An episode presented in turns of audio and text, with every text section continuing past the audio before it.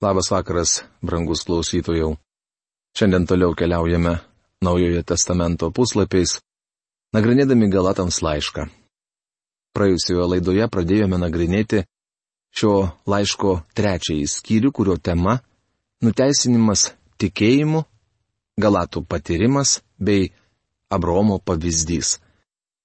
Mes su jumis nagrinėjame potėme Galatų patyrimas. Praėjusioje laidoje išnagrinėjome pirmasias dvi eilutes, aš jas dabar priminimui perskaitysiu ir mes pratesime laiško apžvalgą. O neprotingi galatai, kas apkerėjo jūs, kuriems akivaizdžiai buvo nupieštas nukryžiuotasis Jėzus Kristus? Noriu jūs paklausti tik tai vieno dalyko. Ar jūs gavote dvasę įstatymo darbais, ar tikėdami, ką išgirdote? Šioje laiško dalyje Paulius iškelia keletą klausimų. Jis kviečia galatus atsigręžti ir prisiminti tai, kas su jais įvyko. Bei užduoda šešis klausimus susijusius su jų patyrimu. Pirmasis klausimas. Ar jūs gavote dvasę įstatymo darbais, ar įtikėdami, ką išgirdote? Niekur net Senajame testamente niekas negavo šventosios dvasios įstatymo darbais ji gaunama įtikėjus tuo, ką išgirdai. Galatai gavo šventąją dvasę ne per įstatymą. Šventoji dvasia yra atsivertimo ženklas. Šventajame rašte parašyta, jūs nesate kūniški, bet dvasiški, jei tik Dievo dvasia gyvena jumise. O kas neturi Kristaus dvasios, tas nėra jo. Rašoma romiečiams laiško 8 skyriaus 9 eilutėje. Jame ir jūs išgirdę tiesos žodį, savo išgelbėjimo Evangeliją ir įtikėję juo, esate paženklinti pažadėtąją šventąją dvasę, rašoma Efeziečiams laiško pirmos kiriaus 13 eilutėje. O štai antrasis klausimas. Nejaugi jūs tokie neprotingi, kad pradėję dvasę dabar užbaigsite kūnų? Galatams laiško trečios kiriaus trečia eilutė. Paulius klausia, Jei jūs atsivertite dėl šventosios dvasios, jei jį jūs atvedė pas Kristų ir dabar jumise gyvena, tai ar jūs vėl grįžte prie įstatymo, kuris buvo duotas kūnui kontroliuoti, manydami, jog gyvensite aukštumoje? Argi tiek daug esate iškentėję veltui, o iš tiesų būtų veltui?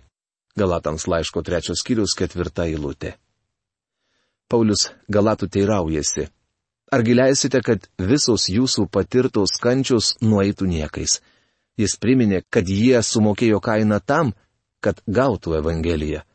Ar visa tai nueis niekais be jokio tikslo? Dabar jis klausė štai ko.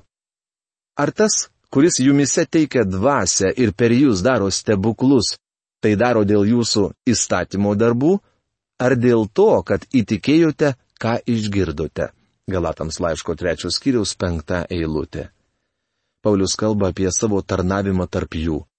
Pamenate, kaip judaizmo gynėjai užsipuolė jį dėl apaštalystės. Jie sakė, kad Paulius pasirodė per vėlai, mat nebuvo vienas iš pirmųjų dvylikos. Kristaus tarnavimo žemėje metu jis nebuvo su juo, o atsirado vėliau.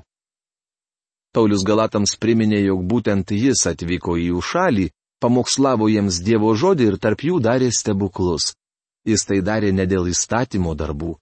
Paulius buvo apdairus, kad taip nepasakytų. Jis pamokslavo viešpati Jėzų Kristų, kuris už juos mirė, buvo prikeltas ir kurį jie įtikėjo. Kai jie įtikėjo, įvyko stebuklas. Jie atgimė. Paulius galėjo įrodyti esas apaštalas.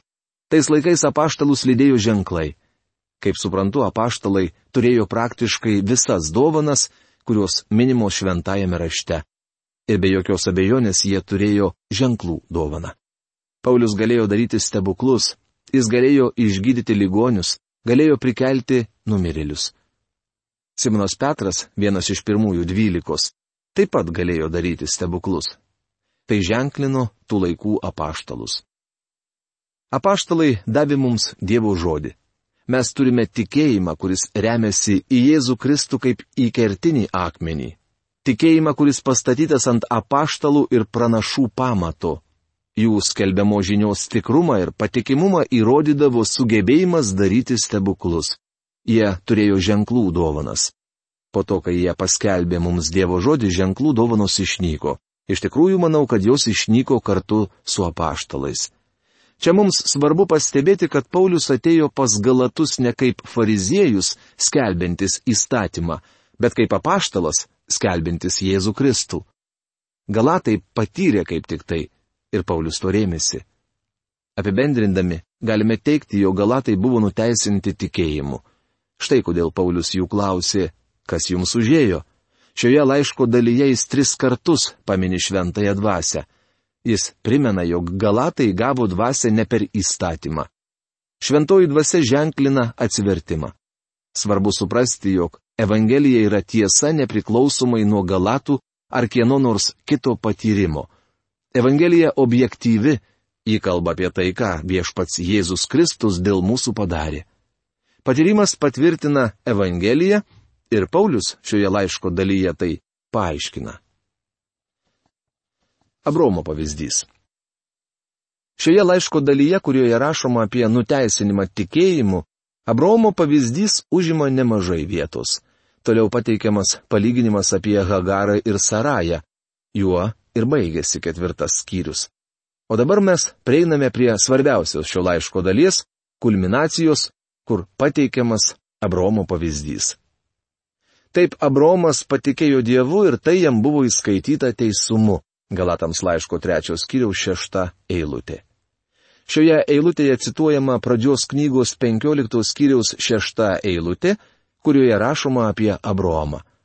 Jis patikėjo viešpačiu ir tai jam viešpats įskaitė teisumu. Šie žodžiai taip pat cituojami laiške romiečiams ketvirtos kiriaus trečioje eilutėje. Pavyzdys paimtas iš ankstyvosios Abromo gyvenimo tikėjimų dalies. Abromas - didis nuteisinimo tikėjimų pavyzdys. Paulius naudoja jį kaip pavyzdį ir laiške romiečiams ir galatams. Negalima tvirtinti, jog Abromas buvo nuteisintas per įstatymą nes Mozės įstatymas buvo duotas po Abraomo praėjus keturiems šimtams metų. Taip pat negalime teikti, kad jis buvo nuteisintas prieš tai, kai Dievas davė jam paliepimą apsipjaustyti. Apipjaustimas buvo Abromo tikėjimo ženklas ir įrodymas taip, kaip šiandien krikštas yra tikinčiojo ženklas ir įrodymas. Negelbsti nei apipjaustimas, nei krikštas. Iš tikrųjų jie nieko neprideda prie išgelbėjimo. Jie paprasčiausiai yra išoriniai vidinio pasikeitimo požymiai. Paulius mini įvykį aprašytą pradžios knygos 15 skyriuje.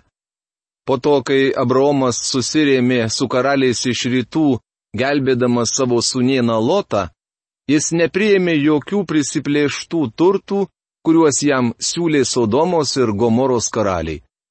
Dievas pasirodė Abromui, kad užtikrintų jį jog teisingai pasielgė nepriimdamas grobio ir tarė, aš tavo skydas, tavo atpildas bus labai didelis. Abromas buvo praktiškas žmogus ir kalbėjo su viešpačiu gana tiesiai. Draugė, mano nuomonė, Dievas to nori iš mūsų. Jis atsakė, aš neturiu sunaus, o tu man pažadėjai, jog turėsiu. Viešpats atsiliepė, Abromai, džiaugiuosi, kad apie tai prabilai. Noriu tau šitą pasakyti. Dievas jau buvo Abromui pasakęs, kad jo sėkla bus tokia gausi kaip pajūrio smiltys. Dabar Dievas paima jį už rankos ir liepia pažiūrėti į dangų. Turbūt tai įvyko naktį. Esu girdėjęs, jog toje pasaulio dalyje plika akimi galima išvelgti apie 5000 žvaigždžių. Su 16 colių teleskopu galėtume matyti 50 tūkstančių žvaigždžių ir nežinau, ką galėtumėte išvysti, jei žiūrėtumėte pro šimto ar dviejų šimtų colių teleskopą. Kad ir kaip ten būtų, nemanau, jog koks nors teleskopas galėtų tiksliai parodyti, kiek žvaigždžių buvo galima tuo metu matyti. Tiesą sakant, Dievas Abromui pasakė, kaip negali suskaičiuoti žvaigždžių, taip negalėsi suskaičiuoti ir savo palikuonių. Ar žinote, ką atsakė Bromas? Jis patikėjo viešpačiu ir tai jam viešpats įskaitė teisumu. Originale ši frazė skamba labai išraiškingai. Pažodžiui tai reiškia, jog Abromas pasakė viešpačiui Amen. Dievas pažadėjo, aš tai padarysiu. Abromas tarė Amen. Ar tai galima pritaikyti jūsų ir mano gyvenimui? be bejonės. Dievas sako, atidaviau savo sūnų, kad jis už tave mirtų. Jei juo patikėsi, nepražūsi, bet turėsi amžiną į gyvenimą. Ar jūs pritarsite šiems žodžiams ištardamas Amen? Ar patikėsite Dievu? Ar priimsite jo sūnų? Jei taip, jūs esate nuteisintas tikėjimu. Taip elgėsi ir Abromas. Jis patikėjo Dievu ir tą akimirką Dievas paskelbė jį teisiu. Ar dėl jo darbų? Ne. Jo darbai buvo netobuli. Jis negalėjo pasiūlyti Dievui nieko tobulo. Paulius išplės šią mintį truputį vėliau. Nors tuo metu Abromas nebuvo tobulas, vėliau taps toks, nes jo tikėjimas buvo jam įskaitytas teisumu. Tai nuteisinimo doktrina. Abromas yra nuteisintas Dievo akivaizdoje. Toliau Abromas prašė viešpaties. Ar negalėtum to, ką man pasakėjai, užrašyti? Galbūt pasakysite, skaičiau pradžios knygą ir neprisimenu nieko panašaus. Tačiau tai užrašyta pradžios knygos penkioliktame skyriuje. Atkreipkite dėmesį. Tuomet jis tarė jam. Aš esu viešpats, kuris išvedžiau tave iš chaldėjų ūro, kad duočiau tau šį kraštą kaip paveldą. Pradžios knygos 15 skyriaus 7 eilutė. Paklausykite, ką atsako Bromas. Jis atsikalbinėja, jis visai ne dievo baimingas šventasis. Viešpatė Dieve, paklausė jis, iš ko aš pažinsiu, kad jį paveldėsiu. Pradžios knygos 15 skyriaus 8 eilutė. Kitaip tariant, užrašyk tai. Dievas Abromui tarė, susitikime teisme, ten aš visą tai patvirtinsiu raštu. Kas nors pasakys, Biblijoje taip neparašyta. Drauge, ten tikrai tai parašyta. Jis atsakė, parūpink man treigę telyčią, treigę ošką, treigį aviną, purplelį ir jauną balandį. Pradžios knygos 15 skyriaus 9 eilutė. Taip tomis dienomis buvo sudaromos sutartys. Jeremijas taip pat pasakoja apie tokiu būdu sudaromą sutartį, užrašytą Jeremijo knygos 34 skyriaus 18 eilutėje. Matote, kai tomis dienomis būdavo sudaroma sutartis, vienas žmogus sutikdavo ką nors padaryti ir kitas žmogus savo ruoštų taip pat sutikdavo ką nors padaryti. Jie perpjaudavo auką į dvi dalis ir pusės suguldydavo vieną priešais kitą. Tuomet susijimdavo už rankų ir praeidavo tarp dviejų skerdienos pusių. Taip sandura būdavo patvirtinama. Tai buvo tas pat, kaip nueiti pas notarą į teismą. Taigi Abromas paruošė aukas ir visą dieną laukė. Plėšrieji paukščiai leidosi ant skerdienos, bet Abromas juos nuvaikė. Dievas neskubėjo į susitikimą su Abromu. Jis atėjo tik saulėje leidžiantis. Saulėje leidžiantis Abromą apėmė didelis miegas ir apgaubė didelį baisi tamsa rašoma pradžios knygos 15 skyriaus 12 eilutėje. Kai Abromas jau ruošėsi pasirašyti sutartį, Dievas pasiuntė Abromui gilų miegą.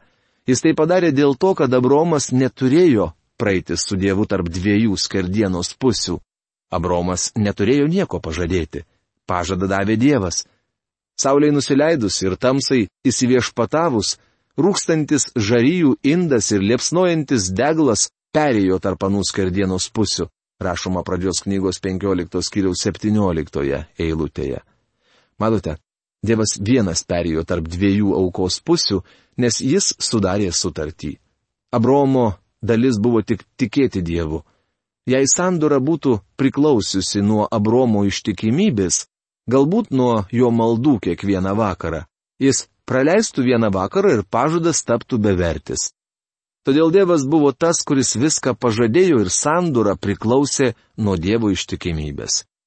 Drauge, Prieš du tūkstančius metų Jėzus Kristus mirė ant kryžiaus, kad sumokėtų už jūsų ir mano nuodėmes. Kad būtumėte išgelbėtas, Dievas neprašo melstis arba būti geram sekmadieninės mokyklos mokiniui. Jis trokšta, kad pasitikėtumėte jo sunumi, kuris už jūs mirė.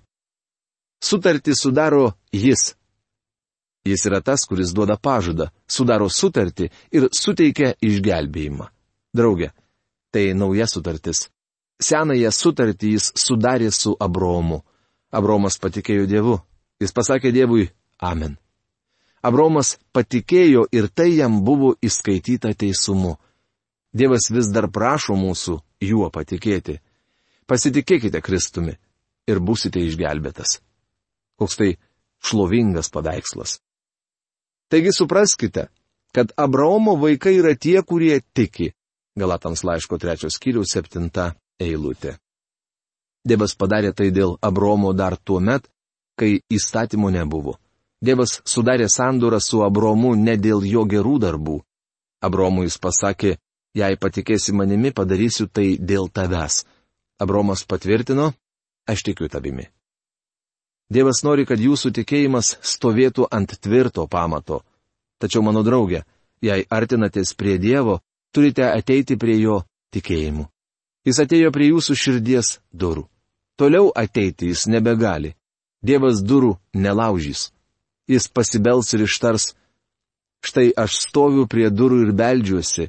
Jei kas išgirs mano balsą ir atvers duris, aš pas jį užeisiu ir vakarieniausiu su juo, o jis su manimi. Rašoma prieškimo knygos trečios skyrius 20 eilutėje. Mano draugė, tik jūs tikėjimu galite atverti tas duris. Kai pasitikime Kristumi kaip gelbėtojų, mes, kaip ir Abromas, tampame išgelbėti tikėjimu. Ir raštas, numatydamas, kad Dievas tikėjimu nuteisina pagonis, iš anksto paskelbė Abromui gerąją naujieną. Tavyje bus palaimintos visos tautos. Galatams laiško trečios skyrius, aštunta eilutė. Ir raštas, numatydamas, kad Dievas tikėjimu nuteisina pagonis, iš anksto paskelbė Abromui gerąją naujieną. Jei Abromui pakako tikėjimo be darbų, kodėl mes turėtume norėti ko nors kito? Kadangi palaiminimas atėjo ne dėl Abromo įstatymo darbų, bet dėl tikėjimo, kodėl turėtume nusisukti nuo tikėjimo prie įstatymo darbų? Dievas paskelbė Abromui gerąją naujieną. Kada jis tai padarė? Pirmąjį pavyzdį apie Abromą Paulius pateikė iš jo gyvenimo tikėjimų pradžios. Dabar Paulius kalba apie įvykį, kuris nutiko Abromo gyvenimo tikėjimų pabaigoje ir kuris aprašytas pradžios knygos 22 skyriuje. Tai vyko po to, kai Abromas paukojo savo sūnų Izaoką ant aukuro. Sakau paukojo, nes jis tikrai vos jo nepaukojo, bet Dievas jį sustabdė. Dievas tai prilygino tikrai Abraomo aukai. Abromas parodė, jog tiki Dievu ir pasitikė, kad jis gali prikelti Izaoką iš numirusių. Galite skaityti Hebrajams laiško 11 skyriaus 19 eilutę. Dabar atkreipkime dėmesį, kaip Dievas reaguoja į Abromo tikėjimo žingsnį. Viešpatės angelas pašaukė Abromą iš dangaus antrą kartą ir tarė. Prisiekiau pačiu savimi, tai viešpatė žodis. Kadangi tu tai padarėjai, neatsisakėjai atiduoti savo vienturčio sunaus, aš tikrai laiminsiu tave ir padarysiu tavo palikonis tokius gausingus, kaip dangaus žvaigždės ir pajūrio smiltys. Tavo palikonys užims tavo priešų vartus ir visos tautos žemėje gaus palaiminimą per tavo palikonis, nes tu buvai klusnus mano balsui. Rašoma pradžios knygos 22 skyriaus 15-18 eilutėse.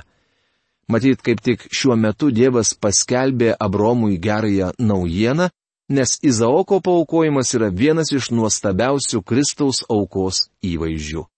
Nors Dievas pasigailėjo Abromo sunaus, jis nepagailėjo savo sunaus, bet atidavė jį už mus visus.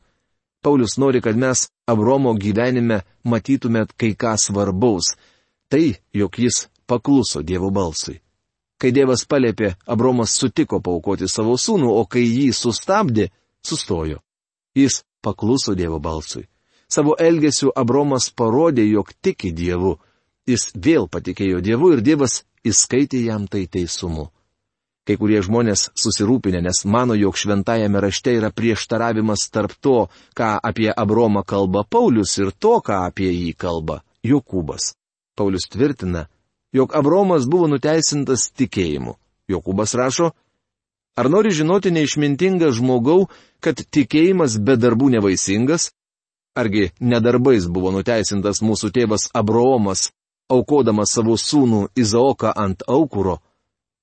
Rašoma Jokūbo laiško antros skyrius 20-21 eilutėse. Tačiau toliau Jokūbas priduria. Matai, tikėjimas veikia kartu su jo darbais ir darbai tikėjimą padarė tobulą.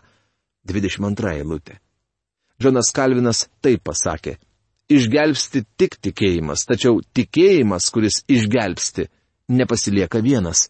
Kitaip tariant, tikėjimas yra dinamiškas, gyvas, vedantis prie darbų. Viliuosi, suprantate, jog Jokūbas kalba ne apie įstatymo darbus. Jokūbas kalba apie tikėjimo darbus. Tikėjimas gimdo darbus.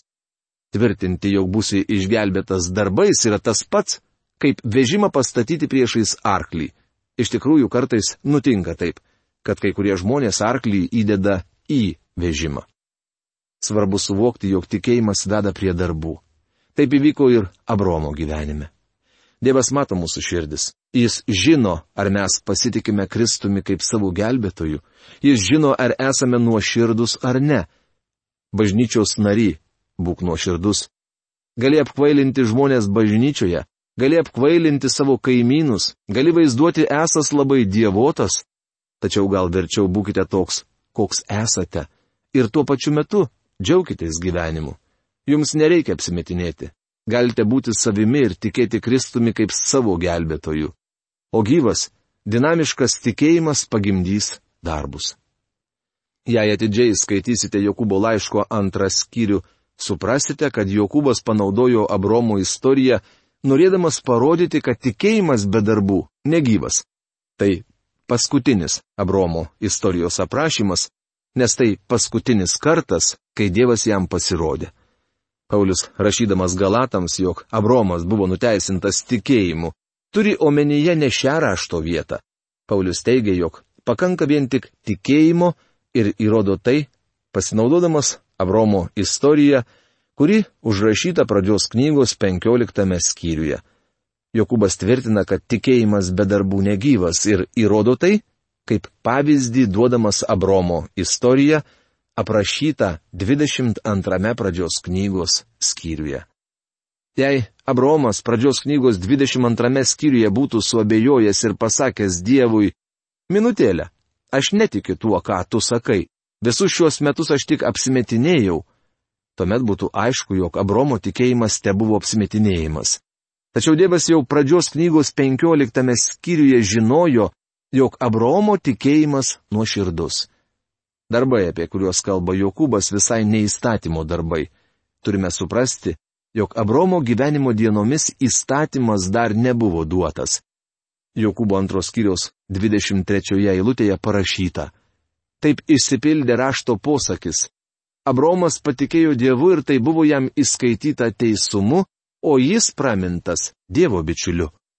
Šios eilutės pradžioje Jokūbas grįžta prie nuorodos, kurią Paulius iš pradžių pateikė kalbėdamas apie Abromo gyvenimo tikėjimų pradžią. Vėliau Paulius teigia, jog geroji naujiena Abromui buvo paskelbta jo gyvenimo pabaigoje, kai Dievas davė jam šį pažadą.